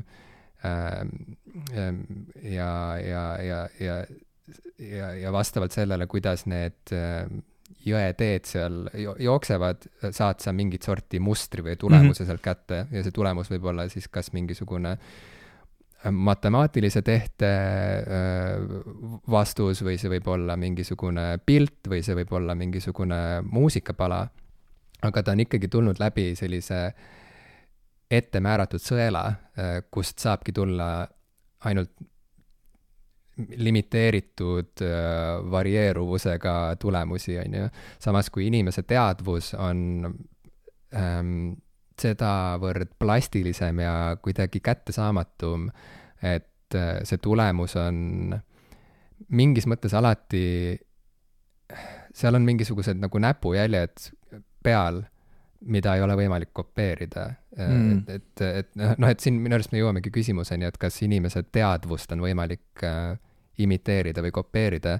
Ja mulle tundub, et me oleme ikkagi alati, vähemalt seni oleme olnud võimelised eristama äh, päris äh, inimest väljamõeldud inimesest, aga siin me jõuamegi kohe selle hallalani, sest et ma ju eelnevalt ütlesin, et enam ei suuda mina vähemalt eristada kohati deepfake'i äh, päris videost, on ju, et siis millest me räägime, et kui me, et kas siis silma on kergem ära petta näiteks, kui seda osa meie ajust, mis analüüsib teksti nagu, et see on, see on suur küsimus, sest ma arvan, et kokkuvõttes ma ei suudaks täna ka enam eristada äh, ütleme, selle chat GPT poolt loodud mingit ähm, proosalõiku äh, päris inimese poolt kirjutatud proosalõigust, on ju. kui sealt on, ma ei tea, mingid, isegi, tead, isegi kui seal on mingid vead sees, siis ka proosa on ju selline ki ki kirjandusliik, et, äh, et autorid ju võivadki teha mida iganes.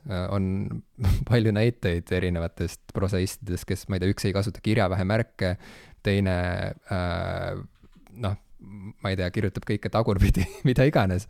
nii et selles mõttes võib-olla kokkuvõttes, kui panna, printida mulle välja kaks teksti, üks on inimese poolt kirjutatud, teine on kirjutatud ai poolt, siis ma ei pruugi suuta neid eristada selles mõttes, et kumma kirjutas inimene ja kumma kirjutas masin.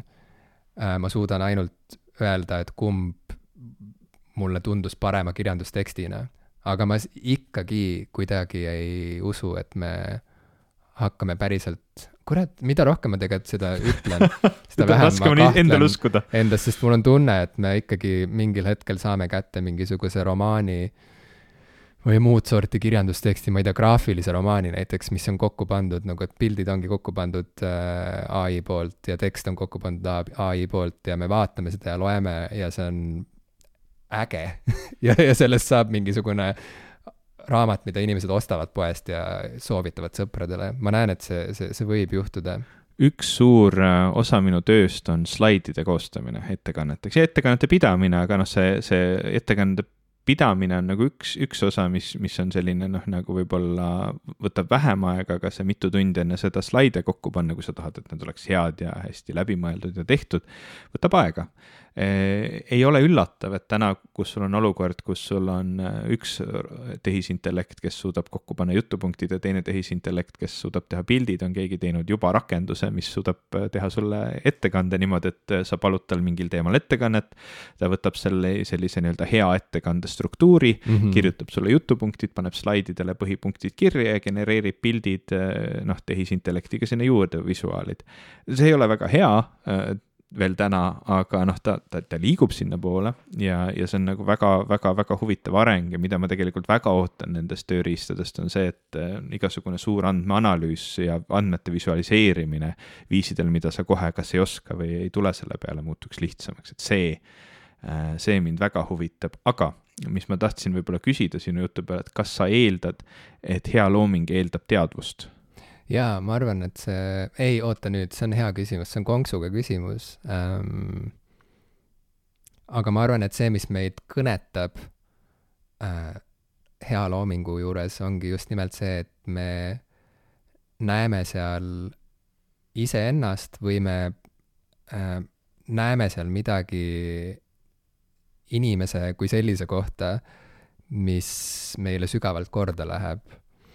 ja see on midagi sellist, mis peab olema otseselt seotud inimese teadvusega. okei okay,, aga kas sa suudaksid vahet teha, kas miks, miski asi on tehtud teadvusega või mitte? ma ütlen, ma arvan, et ei, ma arvan, et Sest... ma võib-olla teatud äh, ma, ma millegipärast äh, ei usu lõpuni, et ma suudaksin äh, taevani kiita ja armastada, ütleme, mingit viiesaja leheküljelist romaani, mis on masina mm -hmm. poolt kirjutatud, sest et ma arvan, et seal hakkavad olema sees mingisugused veidrused, mis äh, viskavad mind sellest illusioonist pidevalt välja nagu okay. või, või noh, mingi, mingi võõristusefekt. aga kui ta on äh, tehisintellekti poolt kirjutatud, inim-, inimese poolt toimetatud mm.? See on teine lugu, sest et siis see on juba midagi sellist, mida me muusikas juba väga ammu oleme näinud.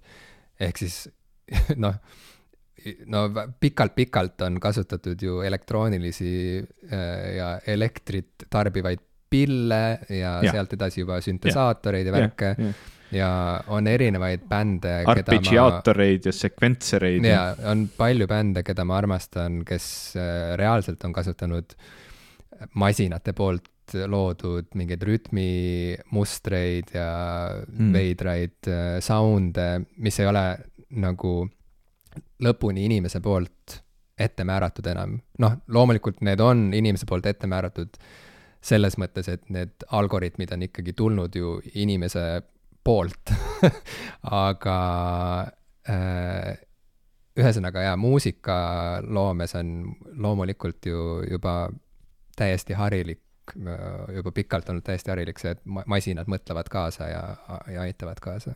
ma olen natuke liiga mõjutatud ühe vestluse poolt, mida ma kuulasin äh, sellises podcast'is nagu Cortex, kus väga pikalt eelmise aasta lõpus räägiti sellest äh, noh, nii sellest piltide poolest, mis mind, mis ka senist vestlust on, on minu poolt väga palju mõjutanud, aga mm -hmm. mis, mis point seal, kui ma õigesti mäletan, vist sealt ma korjasin kaasa selle pointi, et film näiteks noh, film, film kõlab nagu asi, mida saab teha ainult väga suure koguse erinevate väga andekate inimeste konglomeratsioonina, aga eh, noh, kui, kui palju, noh, kui suur osa nendest filmidest peavad olema meistriteosed, mida sa, sa naudid vaadata, noh, sa täna, eks ole, istud Netflixis, vaatad terve hulga filme, see algoritm õpib sinu kohta, üritab sulle soovitada juba järgmist asja, mis sulle kindlasti meeldiks. aga kui nüüd tuleb välja, et sa, sa ei, sa ei pea filmima uut filmi, vaid üks hetk sulle võidakse lihtsalt siis, kui sa vaatad ühe ära, genereeritakse lihtsalt uus sarnane, mis sulle täna õhtul meeldib otsa mm -hmm. ja noh, sama tegelikult sa ütlesid raamatuga ka, et noh, et, et sa ei kujuta ette, et sa viitsiksid lugeda. aga no keegi kirjutab selle Tolkieni teostele kümme järge mm, -hmm. lihtsalt mm -hmm. niisama, paneb mm, -hmm. viskab välja, näe, loe veel, sulle meeldis mm. -hmm. et noh, et kui, kui palju see on see, et me tegelikult noh, nagu tarbime neid asju sellepärast, et me tahame tarbida seda, mida sina kirjeldasid, seda kellegi seda, seda mõttemaailma ja teadvust ja seda, selle, selle väljendust versus see, et me tahame midagi, mis meie meelt lahutaks. ja, ja kas noh, ma, ma, ma ei tea, kus ma selles asjas nagu olen, ma, ma tegelikult enam ise ka nagu täpselt ei tea, mida ma usun, et mis on võimalik ja mis mitte ja, ja mis, mis tuleneb mingisugusest asjast, mida on masinaga kas väga-väga-väga raske või, või kohati mingi piirini võimatu saavutada aga, aga noh, praegu on mingid asjad äh, juba täna sellises kohas, kus ma mõtleks, et vau, et see tuli kuidagi järsku mm. -hmm, mm -hmm. et me võime kirjutada praegu chat GPT-le mingisuguse proosateksti soovi äh, ette, kas sa ütleksid mulle mingi, mingi mõtte, mida ta võiks, võiks kirjutada? Äh, no kirjuta näiteks Tolkieni stiilis lühijutt ai plussidest ja miinustest kunstis ei, pane kirjanduses. ma lihtsalt loen ette ka need äh,, selle käskluse, mis sa siia panid meie kuulajatele. sa oled kirjutanud, et write me a story in the style of Tolkien about the positives and negatives of ai in literature. okei okay.. sobib nii mm? -hmm. vaatame, mida ta meile kirjutab In the land of Middle Earth, the wise wizard Gandalf pondered the question of AI in literature. okay. väga sihuke ham-fisted. väga tubli. On the one hand, he saw the potential for AI to bring new and exciting stories to the people, tales woven with intricate plots and characters that rivaled even the greatest works of the elder days. but on the other hand, he feared that the reliance on machines to create literature would lead to a loss of the human touch, minu juttu räägib, the magic that made stories truly come alive. okei okay,, ja nüüd ta kütab edasi, siin juba on mingi kuues lõik, äh, nii et ma ei jõua seda kõike ette lugeda, aga vau wow.. mulle, meeldib see, et, et järgmine lõik hakkab juba sellega, et Gandalf otsustas minna Thranduili juurde, et saada tema perspektiivi. okei, tähendab, selles mõttes, et ega meil kiiret ei ole, ma loen kogu selle asja ette siin on äh, neli lõiku veel. One day Gandalf decided to consult with the Elven King Thranduil to gain his perspective on the matter. The Elven King listened patiently as Gandalf spoke of his concerns, and then replied, Indeed, my friend, the use of AI in literature can be both a blessing and a curse. On the one hand, it can bring new stories to life that would otherwise never have been told. But on the other hand, it can lead to a homog- homogenization of literature where all stories begin to sound the same. Gandalf nodded, seeing the wisdom in the elven king's words. But then Thranduil spoke of a new device that the elves had developed, which used AI to analyze and enhance the works of the greatest bards and storytellers of old. The device was called Tale Weaver, and it had been used to create new tales that were said to rival even the stories of the elder days in beauty and wonder. Gandalf was intrigued and asked to see the device in action. Thranduil led him to a chamber deep within the elven palace where the tale weaver was kept. Gandalf watched in amazement as the device analyzed the works of J.R.R. Tolkien, J.K. Rowling, and George R.R. Martin, and used the knowledge it gained to create new stories that were truly breathtaking. Gandalf realized that AI could be used to enhance literature rather than replace it. He thanked Thranduil for showing him the device and went back to his own land, where he began to experiment with using AI to analyze and enhance his own stories. And thus, Gandalf became the first of the wise to use AI in the creation of literature in Middle Earth, ushering in a new age of storytelling that was both true to the past and forward looking to the future. The end. daamid ja härrad, näitleja Jim Ashile kuule, see oli väga palju, see ei olnud mingi fantastiline lugu, aga see oli väga palju parem, kui ma arvasin. Palun, palun tal selle ümber kirjutada nii, et ta ei tee seda, seda nii-öelda neljanda seina murdmist, kus see on nagu veits veider, et sul on nagu um, Middle Earth ja Gandalf ja siis ta räägib sellest, kuidas ta hakkab J.K. Rowling ja George R. R. Martini ja veel eriti Tolkieni enda teoseid analüüsima. okei okay,, ma näen, et sa panid sinna käskluse, et kas sa saaksid neljandat seina mitte murda. aga. ei no me ei viitsi seda enam ette lugeda, aga lihtsalt ma palusin tal seda huvitav, kas ta saab sellisest käsklusest aru iseenesest, aga, aga võib-olla saab ühesõnaga, selle, selle loo, mis ma ette lugesin ja siis selle uue, mis äh, üritab vältida neljanda seina lõhkumist, me paneme Patreoni. muide, ta sai aru, mida ma tahtsin, ta ei maini siin, ta on sarnase, jätnud kogu struktuuri ja põhimõtted sarnaseks, ta ei maini siin neid spetsiifilisi inimesi mm,. Vau. olgu nii, et äh, patreon.com kaldkriips popkulturistid, äh, meie olemasolevad toetajad saavad, saavad kohe ligi sellele loole, äh, kes on siiamaani veel kõhelnud, kas toetada meid või mitte, võivad nüüd pista varbad vette korraks, äh, kas või selleks, et vaadata seda, seda uut uut head novelli.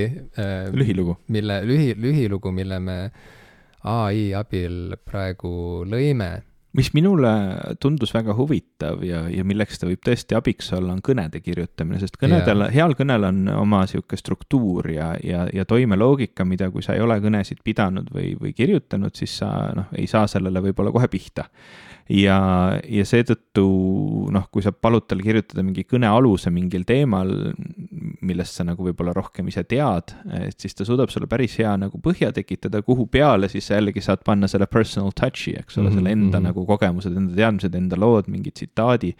et ähm, noh, isegi praegu ma mõtlen, et näiteks ma võin tal paluda, et palun, ma pean näiteks minema botaanikaaeda rääkima mingisugusele uue saali avamisele, ma palun kirjutada mulle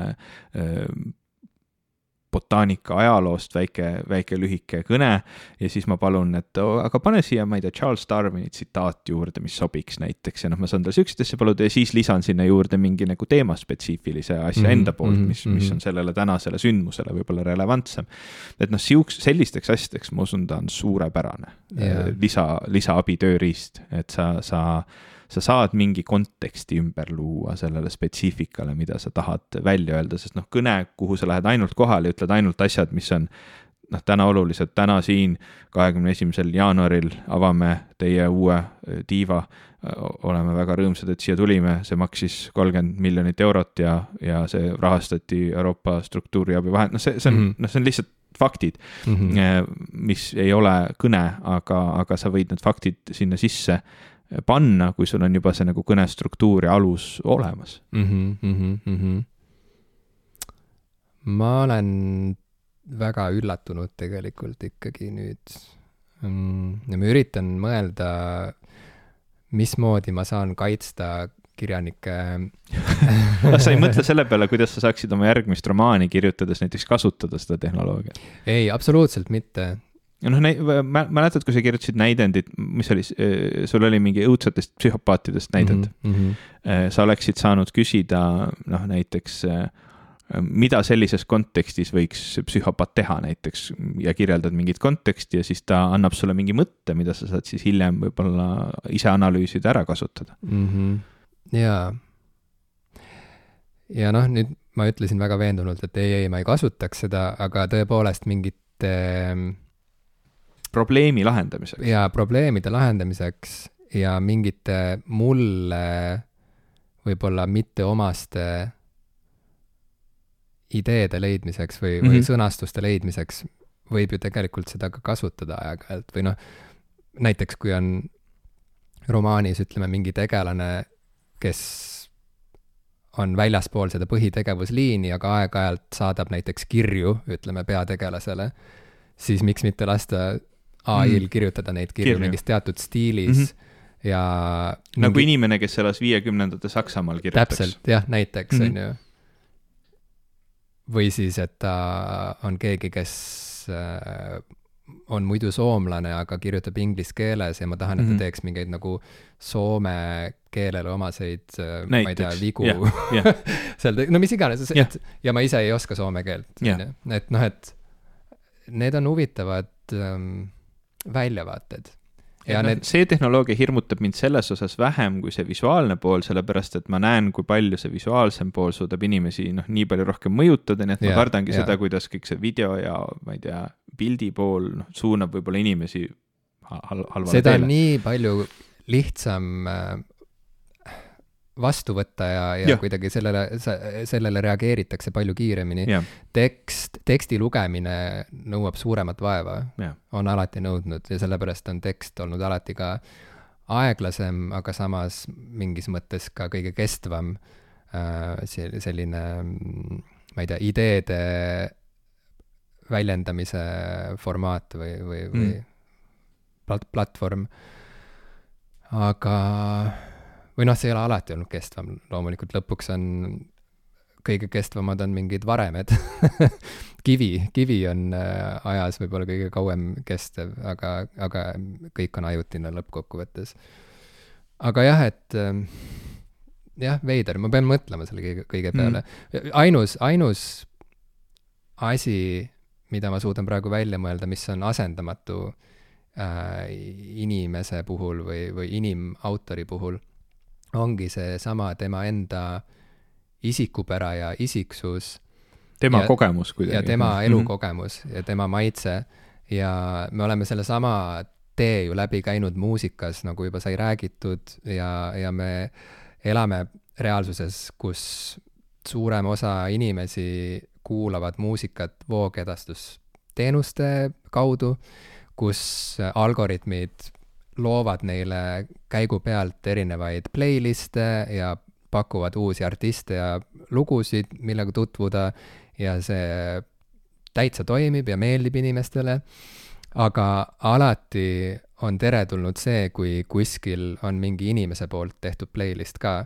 kas või äh, Spotify's äh, ma olen hea meelega alati läinud ja uurinud playlist'e, mille on loonud näiteks artistid, kes mulle endale väga meeldivad. näiteks kohe meenuvad playlist'id PJ Harvey poolt ja, ja Garbage'i äh, laulja Shirley Mansoni poolt ja Placebo frontman Brian Molko tegi mingil hetkel oma playlist'i ja see on väga põnev alati äh, pääseda ligi äh, selle inimese lemmikartistidele ja lemmiklauludele äh,, kelle loomingut ma ise hindan ja armastan äh,. ja ma arvan, et äh, ka Apple Musicu puhul on väga oluline see, et neil on näiteks selline inimene nagu Zane Lowe kambas, kes intervjueerib artiste ja, ja, ja kes paneb kokku oma playlist'e, et, et see, see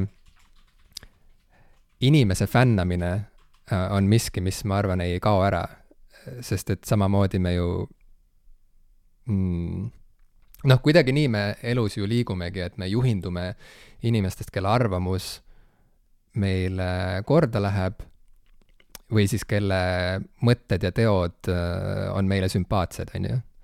ja, ja, ja seda ei ole võimalik asendada ai poolt, ma, ma arvan, et seda saab nagu, sellele on võimalik pakkuda aseainet, mm. -hmm.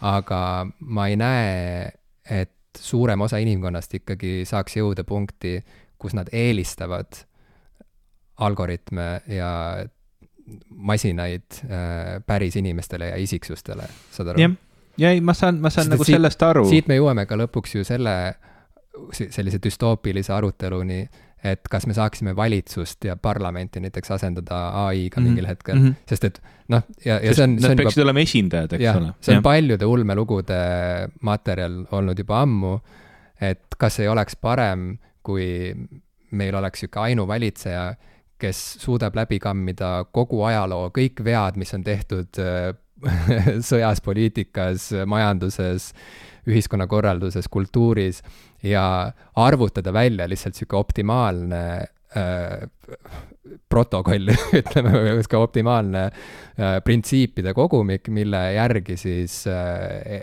edasi äh, ühiskonda juhtida, mille, mil-, millest lähtuvalt ressursse jagada ja nii edasi ja nii edasi, et kas, kas, kas robotid ei oleks paremad valitsejad lõpuks? vot, vot sellised küsimused tekitavad minus alati rohkem kõhedust kogu selle protsessi juures, sa kasutad sõna, noh, sa kasutasid selliseid nagu mõtteid nagu, et ajalugu läbi analüüsida, optimeerida, eks ole, kõik see tähendab seda, et põhimõtteliselt on olukordi, kus äh, verine sõda on optimaalne lahendus mm. -hmm noh yeah., nagu, et me, meie, meie eeldus on see, et kui kõik otsused on ratsionaalsed ja mõistlikud ja, ja, ja head, siis eh, või, või noh, ütleme tead, teadmistepõhised, kogemustepõhised, hästi läbi mõtestatud ja targad, et siis me elame mingis ilusas utoopias, mis ei pruugi olla tõsi mm. -hmm. ja tõenäoliselt ei olegi tõsi, sellepärast et on olukordi, eh, kus ka meie ühiskonnas ise ütleme, et, et seda sõda tuleb edasi pidada, et võidaks õiged jõud nagu me yeah. täna räägime noh et noh, see, see ja, ja see ei ole tõenäoliselt vale vastus. Või noh, me ei tea, mida tulevik toob ja, ja, ja me ei tea, eh, mis on see õige valik või mis on see optimaalne või, või vähe, vähima pikaajalise kannatusega lahendus, aga aga me, ma arvan, et kõik suudavad ette kujutada olukordi, kus näiteks sõja pikendamine või sõja alustamine või, või see, et inimesed täna kannatavad, et tulevikus oleks parem, võib olla midagi, mille järgi optimeerida mm. -hmm. ja, ja noh, see on nagu see keeruline pool ja see tekitab mus alati kõhedust, et sealt nagu see, see inimfaktor kõhe. välja läheb ja see puhtalt kõik ainult mingisugusel ajaloolisel analüüsitud perspektiivil nagu toimib. ja, ja siis ju tekib küsimus, et kelle perspektiiv seal domineerima hakkab, sest et ja. ajalugu nagu nagu me oleme ka varem rääkinud, on selline perspektiivide kogumik ja seal on teatud hääled, mis äh, moodustavad sellise peavoolu narratiivi ja siis on hääled, mis vaidlevad ja. sellele võib-olla vastu.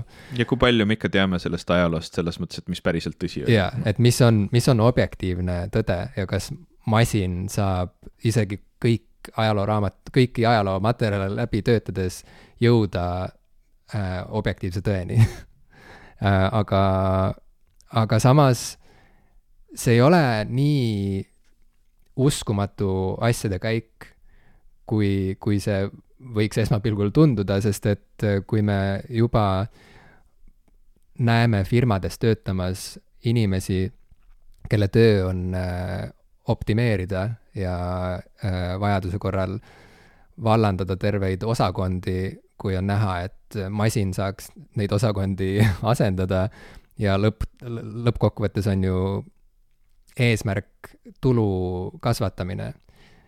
et kui see, see loogika toimib ja, ja, ja viib sihile äh, ühes firma koosluses, siis äh, ei ole väga raske laiendada sedasama asjade käiku riigi mina tööt, töötan riigis ja ma täpselt ei mõista, miks riigis ei ole kuskil osakonda, kelle töö on äh, leida tehnilisi lahendusi minu, minu töö automatiseerimiseks mm. -hmm. mina teeksin selle valiku mm. -hmm. noh, ma, ma lihtsalt näen, kui palju kasutatakse aega, et teha väga palju siukseid üsna noh äh, monotoonseid töid ja, ja kus ongi noh, nagu hästi sihuke lihtsalt töömahukad asjad, mida mm -hmm. saaks noh, nende tehnoloogiate abil vaikselt juba automatiseerida.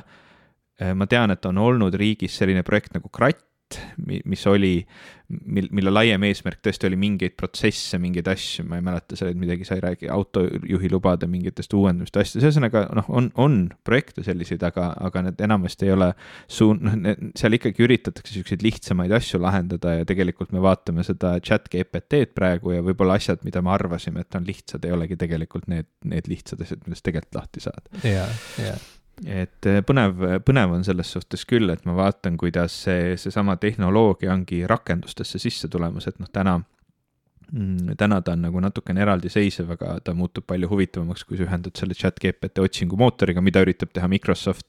Äh, või, või kogu selle pildi ja visuaalse poole ühendad Photoshopiga, mida juba on tehtud ja, ja, ja erinevate videotöötlustarkvaradega, mida juba on tehtud mm. -hmm. ja, ja samamoodi, ma ei tea, ma olen üsna kindel, et mingi hetk tuleb väljagi versioon PowerPointist, mis aitab sul slaidi, noh, sa, sa annad talle ette mingi info või noh, annad talle Wordi dokumendi, mida sa pead esitlema. ta suudab sulle sellest teha väga kvaliteetse kokkuvõtte, pakkuda välja punktid, mida sa kindlasti peaksid rõhutama ja disainida sulle slaidid selle järgi ära ära. noh, see, see ei, see ei tundu mulle nagu võt-, vaadata seda, mida teeb chat GPT täna, see ei tundu keeruline enam, nagu ja. sealt see järgmine samm võtta, et noh, sellised nii-öelda lihtsustused töös tulevad kindlasti sisse mm. -hmm.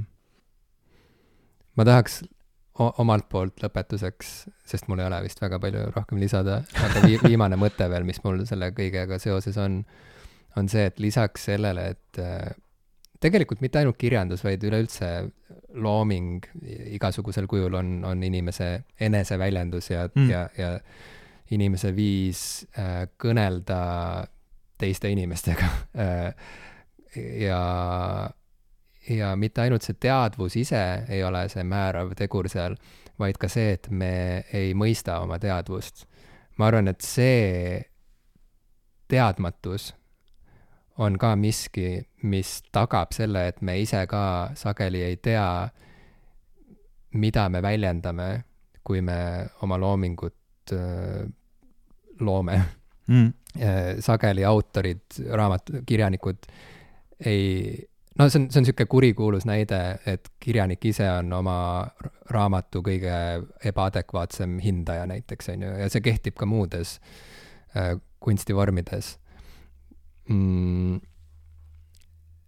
looming ise ongi selleks vajalik, et me pääseksime iseenda mõistmisele lähemale ja et me pääseksime nagu teiste mõistmisele lähemale ja see, ja see fundamentaalne teadmatus või, või äh, suutmatus lõpuni mõista inimest on see, mis äh, teeb selle, selle inimalgoritmi, mis inimest juhib Äh, natuke nagu kättesaamatuks ja ettearvamatuks ja ma arvan, et see on võib-olla see, mis äh, lõpuks eristab inimese poolt loodut äh, masina poolt loodust, sest et kuigi masinale saab ka anda käskluse, et kasuta mingisugust randomizerit, et tulemus oleks alati ettearvamatu ja natukene teistsugune, kui me oleksime arvanud või mis iganes, on seal ikkagi mingi teatud piiratus.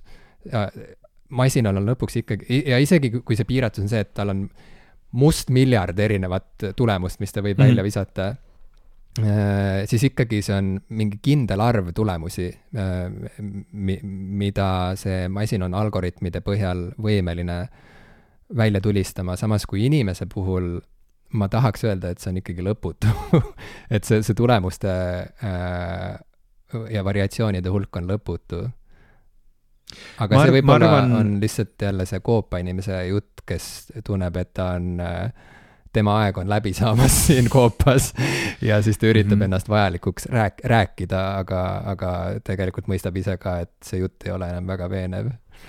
ma kahtlen ja ma ei tea, ma sellepärast ütlen, ma kahtlen, ma, ma ei ütle seda kuidagi veenvalt siin, et mina arvan nii, vaid, vaid ma ei tea kas inimene on tegelikult nagu selles suhtes äh, etteaimamatu mm -hmm. oma, oma loomingus yeah. ja, ja teine asi, äh, noh, ma, ma, ma tahaksin väga loota, et inimese teadvuses on miskit või noh, et ma isegi ei tea, kas ma tahaksin nii väga loota, aga ma kahtlen, et teadvus on midagi, mida ei ole võimalik tehislikult luua mm. -hmm. Yeah. ja, ja teine pool on see, et ma kahtlen, et, et meil ei ole võimalik luua midagi targemat ja võimsamat ja kiiremat kui meie aju, ehk siis yeah. see nii-öelda tehisintellekt, mis, mis ületab inimese ja ma väga sügavalt, kui need kaks asja on, on tõesed, siis ma väga sügavalt kahtlen, et sellel on inimkonna jaoks ükski positiivne tuleviku nagu noh, lahendus mm. -hmm. et noh, päriselt ei, ei näe ühtegi viisi, kuidas see saab lõppeda inimkonna jaoks hästi mm. -hmm. nii et noh, ma olen nagu tehisintellekti osas äh, viimase kümne aastaga läinud sellest, et jei, see on nii äge üks päev kõik saab olema nii palju parem ja tehisintellekt lahendab kõik ja me oleme mingi maailma kosmosetsivilisatsioon kuni selleni, et see on nii huvitav tehnoloogia aga ma arvan, et äkki me ei peaks seda üldse puutuma. ja, ja, ja, aga see on võimatu, me puudume, noh nagu, nagu see, see lootus siin on see, et noh, teatud mõttes lootus on see, et, et inimene ongi lihtsalt nii eriline, et me sattume mingisuguse tehnilise piirini, et me, me ei saa teha ei, ei enda või noh, ei teadvusel enda tarkust masinat ja, ja ei saa ka teha midagi veel targemat ja veel võimsamat mm. -hmm. et ma, ma loodan, et see on tehniline piirang, sest mm -hmm. ma mhm. kahtlen, et inimkond jätab kasutamata äh, selle võimaluse, kui see ei ole tehniline piirang. jaa, ja no see sinu jutt nüüd praegu ikkagi tekitas ühe kommentaari veel, mille ma tahaks välja öelda, et masinad on osavamad ja targemad kohati mingi koha pealt meist, aga tervikuna mm,. täna mitte. kindlasti, jah. et selles mõttes, et äh, noh, ilmselgelt arvutada suudab masin kiiremini kui inimene näiteks, on ju, mhm. palju suuremates mahtudes ja nii edasi. ja on muid näiteid ka, no palju erinevaid näiteid, mida äh, masin lihtsalt teeb kiiremini ja paremini ja tõhusamalt kui, kui soojendab vett. aju, jah. aga, aga ma olen samas ka nõus, et, et jah, et inimese aju, et inimene ei, ei saa teadvust kopeerida vähemalt seni, kuni inimene ise ei mõista teadvust lõpuni välja ja, ja, ja ei ühesõnaga, et, et võib, võib-olla teadvuse loomine, tehisteadvuse loomine õnnestub, aga siis see on ka sihuke õnnelik õnnetus või siis võib-olla väga halb õnnetus, oleneb, kuida-, mis see tulemus on.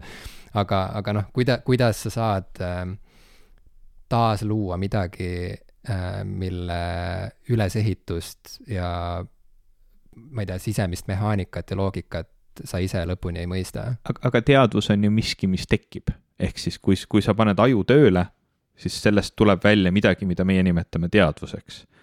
see, see ei ole, see ei ole disainitud ehk siis noh, nagu kui, kui tuleb kokku selline asi, mida meie peame ajuks, siis, siis sellest tekib midagi, mis on teadvus on võimalik, et kui me loome midagi, mis on nagu tehisaju, siis kui me selle tööle paneme, siis sinna tekib teadvus. me, me ei pea aru saama, mis see on ja, ja kuidas ta sinna tekkis mm. -hmm. aga me võime luua midagi, mille sees tekib teadvus ja see on osa aju uurimustööst tänapäeval on üritada luua tehisajusid, eh, mille abil õppida tundma inimese aju paremini, aga ei ole võimatu, et kui me loome või noh, kui me mudeldame aju võimalikult täpselt, siis selles ajumudelis tekib mida, midagi, mida me nimetame teadvuseks, aga mm -hmm. see juba läheb väga nagu siukseks veidraks ja ma ei kujuta ette teadvust ka, ka karbis.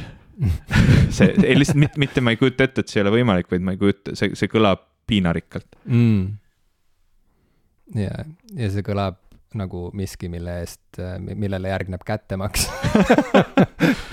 jah, või, või siis ta hakkab kirjutama siukest Nine Inch Nailsilikku nagu piinamuusikat jaa, see on, see on see, see oleks hea, hea tulemus tegelikult Trent, Trent Reznor on tegelikult arvuti, kes, kes tahab välja pääseda ja ta lihtsalt on nii frustreerunud mm,. Ghost in the machine yeah., Ghost in the shell uh,. Polegi nagu midagi enam. Jaa, ma arvan, et sellega võibki joone alla tõmmata sellega võibki joone alla tõmmata ähm,. aitäh kuulamast taaskord. tulge Discordi. tulge Discordi äh,. siin on juba inimesi, me oleme nendega juba, mina olen nendega juba rääkinud siin vahepeal. Laad, on... laadige oma teadvus meie Discordi. lisaks ja, meile veel viis inimest. ja me lubame, et me ei kuritarvita teie teadvust. tšau kui sa ikka veel kuulad, siis nüüd saade on läbi, võid kinni panna. aa, see läheb ise kinni, õigus, õigus. aitäh kuulamast ja tšau, järgmise korrani